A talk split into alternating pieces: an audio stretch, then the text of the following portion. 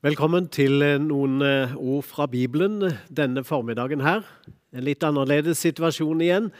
Men jeg vil gjerne dele noen tanker, eh, spesielt i denne tida, som kanskje kan være viktige for mange. Og det er rett og slett det som har med bekymringer å gjøre i livet, og kanskje peke på en vei ut av de hvordan vi kan eh, forholde oss, og hvordan vi kan handle og leve. Så det med bekymringer og en vei ut av det, det er et stort tema i vår tid. Um, ved siden av uh, ensomhet, som også er stort, så er kanskje det med bekymringer en av de største folkesykdommer som uh, faktisk fins i vårt land og i vår del av verden. Eh, og det finnes mange strategier for å håndtere det med bekymringer. Det har vært pekt på mange veier. Eh, det har med f.eks. å prøve å ta seg sammen eh, og liksom rette seg opp og prøve å tenke på noe annet, eller, eller i det hele tatt å tenke positivt. Og mange av disse strategiene de kan jo ha noe for seg. Jeg sier jo ikke at alt er bare unyttig. Men allikevel, det fører oss egentlig ikke i en ny retning eller gir oss noe helt nytt. Um, og Derfor tror jeg i hvert fall den verste måten å, å, håndtere det på, det er å fornekte at vi har det sånn som vi har det. Og bare tenke sånn at nei, det er ikke sånn. Hvis det er sant for oss at vi bekymrer oss, så tror jeg vi skal ta det på alvor og erkjenne det. Og Jesus gjør faktisk det. Han sier faktisk mye om bekymringer uh, ut i sitt ord, han. Og En gang han uh, underviste mange folk på en gang uh, i det vi kaller bergprekenen, som står i evangeliene.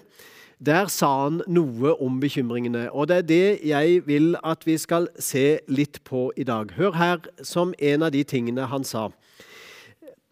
Så gjør dere ingen bekymringer for morgendagen. Morgendagen skal bekymre seg for seg selv. Hver dag har nok med sin egen plage, sier Jesus.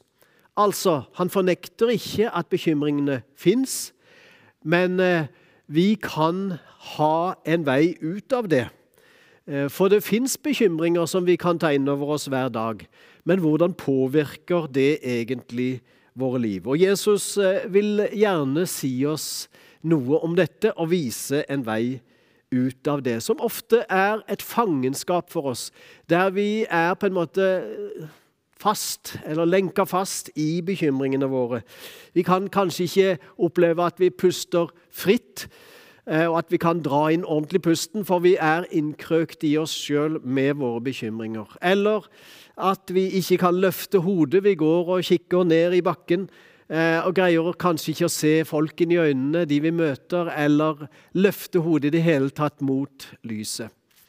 Det er noe av det som bekymringer kan knuge oss ned. Ja, Til og med så kan det slite sånn på sinnet vårt, for bekymringer de setter seg ofte fast i tanken. Men det kan slite sånn på sinnet vårt at det påvirker vår fysikk direkte. Magesår er jo ikke et ukjent fenomen eh, av for mye bekymringer og stress i livet, eller til og med visse hjerte- og karsykdommer kan utvikle seg i en dårlig retning um, med for mye bekymringer. Så det har mange effekter, det med bekymringer i livet. Og Jesus taler her om hverdagsbekymringene. De som vi kan møte hver dag. De som ofte kan få oss til å kikke i bakken eller eh, krøke oss inn i oss sjøl og ikke klare at vi, klare at vi kan løfte hodet.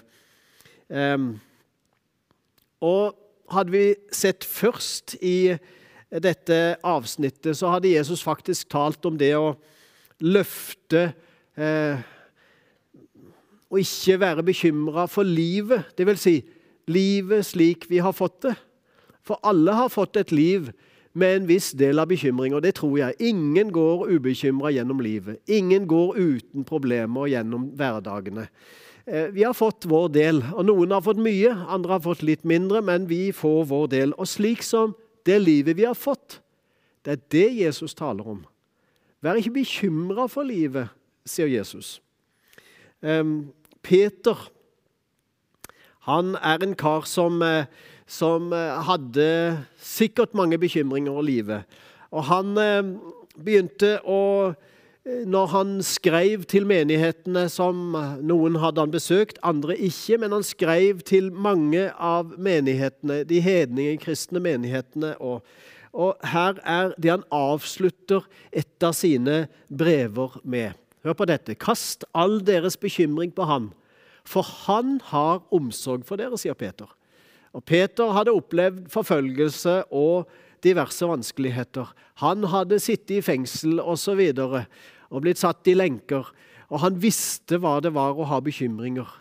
Han var nå en av lederne i menigheten i Jerusalem, og nå skriver han til mange menigheter rundt.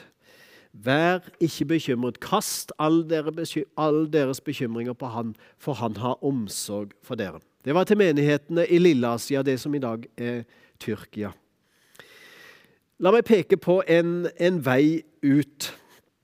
Um, bekymringer eller grunnen til de, det blir ikke borte i en slags magi, der vi kan knipse med fingrene, finne en formel, finne en viss setning, og så er det gjort. Eh, det tror jeg rett og slett ikke på. Begynnelsen på å ta hånd om bekymringene, det tror jeg er å være ærlig med livet. Og si det sånn som det er. Rett og slett. Um, alt vi har på hjertet, sier Paulus en gang, at alt vi har på hjertet, la oss legge det fram for Gud. Ikke skjule noen ting. Ta det fram. Og her eh, eh, tror jeg det ligger en, et første steg til å kvitte seg med bekymringer, eller ikke la bekymringene få trykke oss ned. Det er å ta det fram og snakke om det slik det er. Og Kanskje ikke bare for Gud, men også for et annet menneske.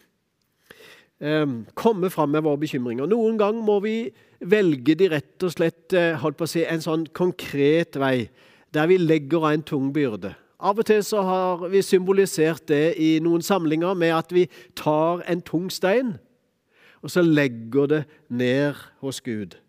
F.eks. ved et kors som står et sted og legger det fra oss. Altså Vi kjenner tyngden av en stein der vi legger den ned. Eller vi kan bruke det som vi her kaller for skriftemålet.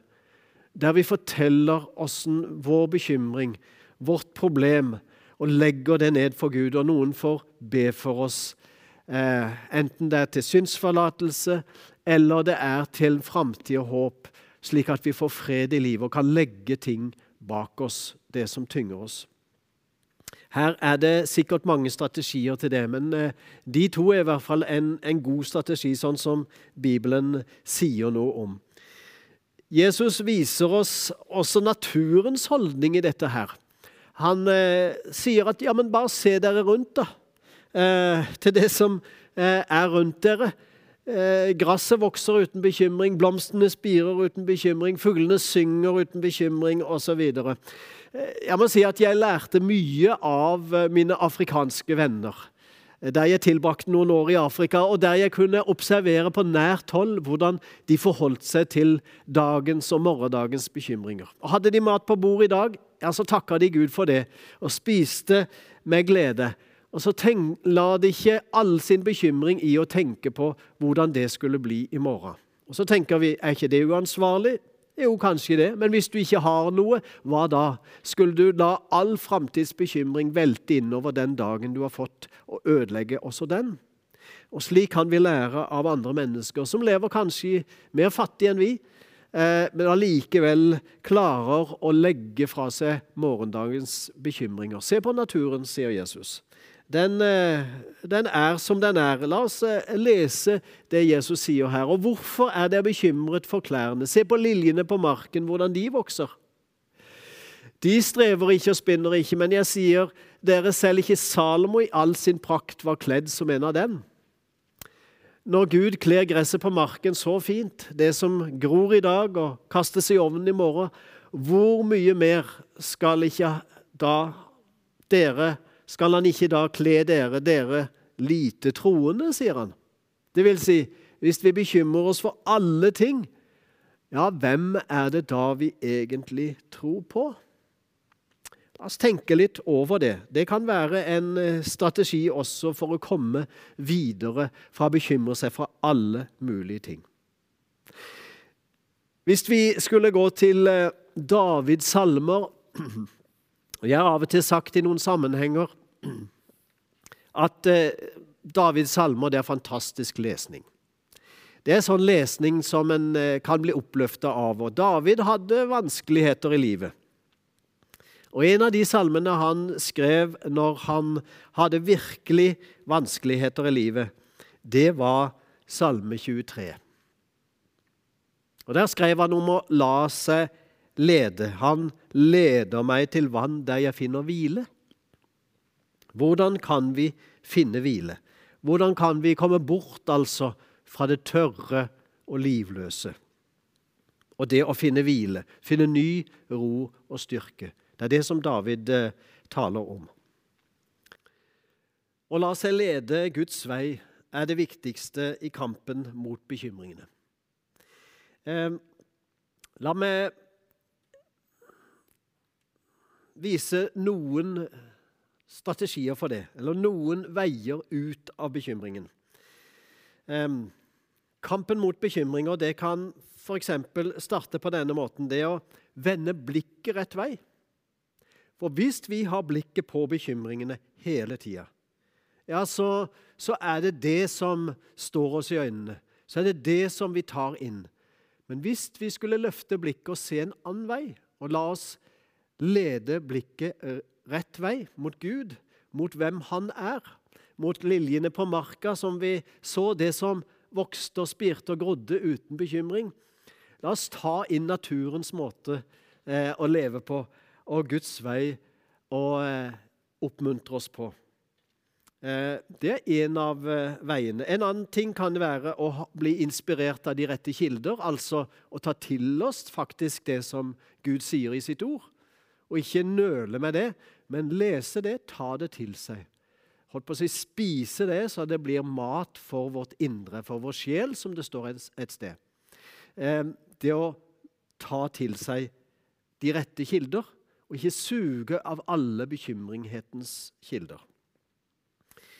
Det kan være å velge det gode, men da vil jeg si velg heller det beste framfor det gode. Av og til så får vi sånne valg. Det er mange fine ting vi kan velge i livet, men fins det noe som er best, så skal vi gjøre det. Det vil si, det Gud gir oss, er alltid det beste.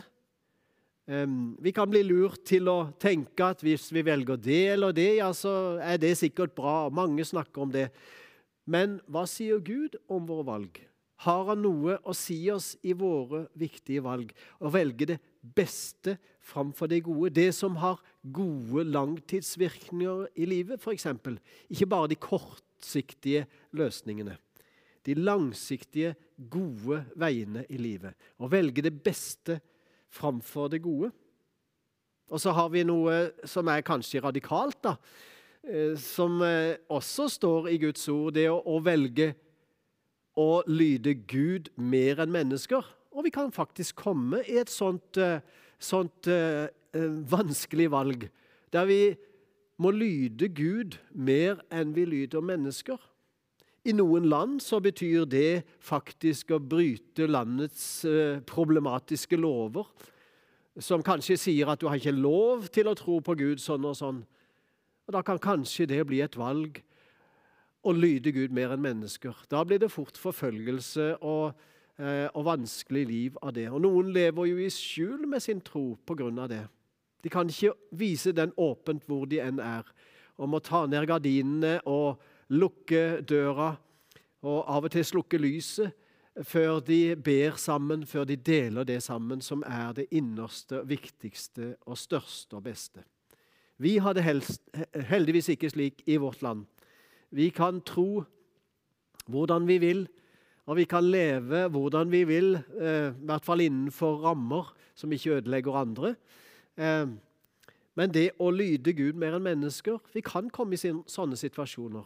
Da er det viktig, slik at ikke bekymringene får velte inn over oss. Um, og så vil jeg si at kanskje noe av det viktigste det er å tro på en Gud som kan forandre oss og kan forandre situasjoner rundt oss. Da vil jeg si det på den måten det er å tro på en Gud som gjør under. Tro på underets Gud. Tro på at Gud kan gjøre det umulige. Han som har skapt livslovene, han som har skapt de fysiske eh, lovene. Han kan gjøre under fortsatt i dag. Og det skal vi få lov til å tro på. For han har sagt 'tro på meg'. Um, og det som jeg har sagt dere. Det er en kar som uh, heter Noven. Henry Noven. Han er død nå. Um, han bodde litt lenger sør i Europa, uh, og han skrev mange flotte bøker. Og Han sier bl.a. i en av sine skrifter det åndelige livet blomstrer ikke ved at vi anstrenger oss, men at vi lar oss lede. Og da underforstått lede rett vei. Det åndelige livet det kan vi ikke få til å blomstre i oss ved at vi bare anstrenger oss. Ved at vi gjør mest mulig, ved at vi ber lengst, ved at vi leser eh, lengst mulig og mest mulig i Bibelen. At vi anstrenger oss på å gjøre godt mot andre, og så tror at frukten av det skal bli eh, et veldig godt liv. Det er ikke slik Bibelen viser oss det. Det handler ikke om mengden av bønn. Det handler ikke om mengden av bibellesning. Eller det handler ikke om mengden av gode gjerninger. Men det handler om å la seg lede rett vei. Følge Jesus, være en Jesu disippel og være en Jesu etterfølger. Og Det tror jeg er viktig å understreke i vår tid. Det åndelige livet blomstrer altså ikke ved at vi anstrenger oss, men ved at vi lar oss lede. Og midt i det utfordrende livet så kan vi velge å gå inn på en ny vei. La oss gå tilbake til den teksten jeg begynte med. Og Litt før det verset jeg leste i begynnelsen, så står det følgende, og dette er et kjernevers. Søk først Guds rike og hans rettferdighet, så skal dere få alt det andre i tillegg. Altså, det handler om noe som kommer først, og noe som kommer etterpå. Det vil si at det å søke Gud, det handler ikke om å si nei til hele livet, si nei til alt annet. Men det handler om å prioritere noe først, for at tingene kommer i rett rekkefølge. Det tror jeg faktisk er den viktigste veien ut av dagliglivets bekymringer. Å søke Guds rike først. Å legge alt i ditt og mitt liv framfor Han først eh, ditt og mitt hjerte og legge det fram for Gud. Eh, jeg tror at det er faktisk den rette veien videre. Og Når vi vender oss mot Gud, og det vil jeg avslutte med her i dag Når vi vender oss mot Gud, så vender vi oss også mot håp. For Gud er håpets Gud. Når vi vender oss mot Gud, så vender vi oss mot Han i tro. For det er Han som gir oss mulighet for å tro. Når vi vender oss mot underet, så vender vi oss mot underets Gud. Når vi vender oss mot Han som har all makt, så vender vi oss mot Han, mot Gud som har all makt. Han vil ta hånd om oss, sier Peter. Han har omsorg for oss og vil gi oss fred istedenfor bekymring. Og Derfor vil jeg avslutte igjen med dette kjerneverset. Søk først Guds rike og Hans rettferdighet, så skal dere få alt det andre i tillegg til det. Du som kjenner på bekymring i dag. Kanskje du kjenner på bekymring overfor hvordan din egen situasjon er. Kanskje den er ensom. Kanskje den er full av daglige bekymringer som du ikke helt vet hvordan du skal håndtere. Eller kanskje du kjenner noen i din familie eller din vennekrets, eller der du jobber, eller der du går på skole, eller hvor du enn er, som har det skikkelig tøft. Og du lurer på hvordan skal jeg hjelpe til med det? Eller kanskje rett og slett i denne tid av koronabekymringer, smitte og mulig sykdom, så bærer du en ekstra byrde av bekymringer inn i denne mørketida nå i november. Da vil jeg at du skal ta det innover deg. Ta det inn. Hold på å si spis det, og la det ligge i ditt indre. Søk først Guds rike, så skal du få det andre du trenger i tillegg. Og la ikke bekymringene få drive deg fra sted til sted. La Guds ord og Hans omsorg få bære deg gjennom denne dagen og dager som kommer. Da vil jeg be. Herre Jesus, takk for dagen. Takk for at du har gjort alt mulig for at vi skulle leve. For at vi skulle ha det best mulig. For at vi skulle kunne plassere bekymringene på sidelinja og få lov til å gå videre. I tro på og i trygg forvissning om at du tar hånd om oss. For vi vet at du har omsorg for oss. Det har de fått erfare før oss. Det kan vi få erfare i dag, og det skal vi få lov til å vitne om når dagen kommer. En dag foran oss. Herre Jesus, ta våre bekymringer i dag. La oss få lov til å plassere det på sidelinja. La oss få lov til å venne oss til deg, søke deg. Så vil du ta hånd om oss og våre liv. Hjelp oss til å finne veien i det, Herre. Amen.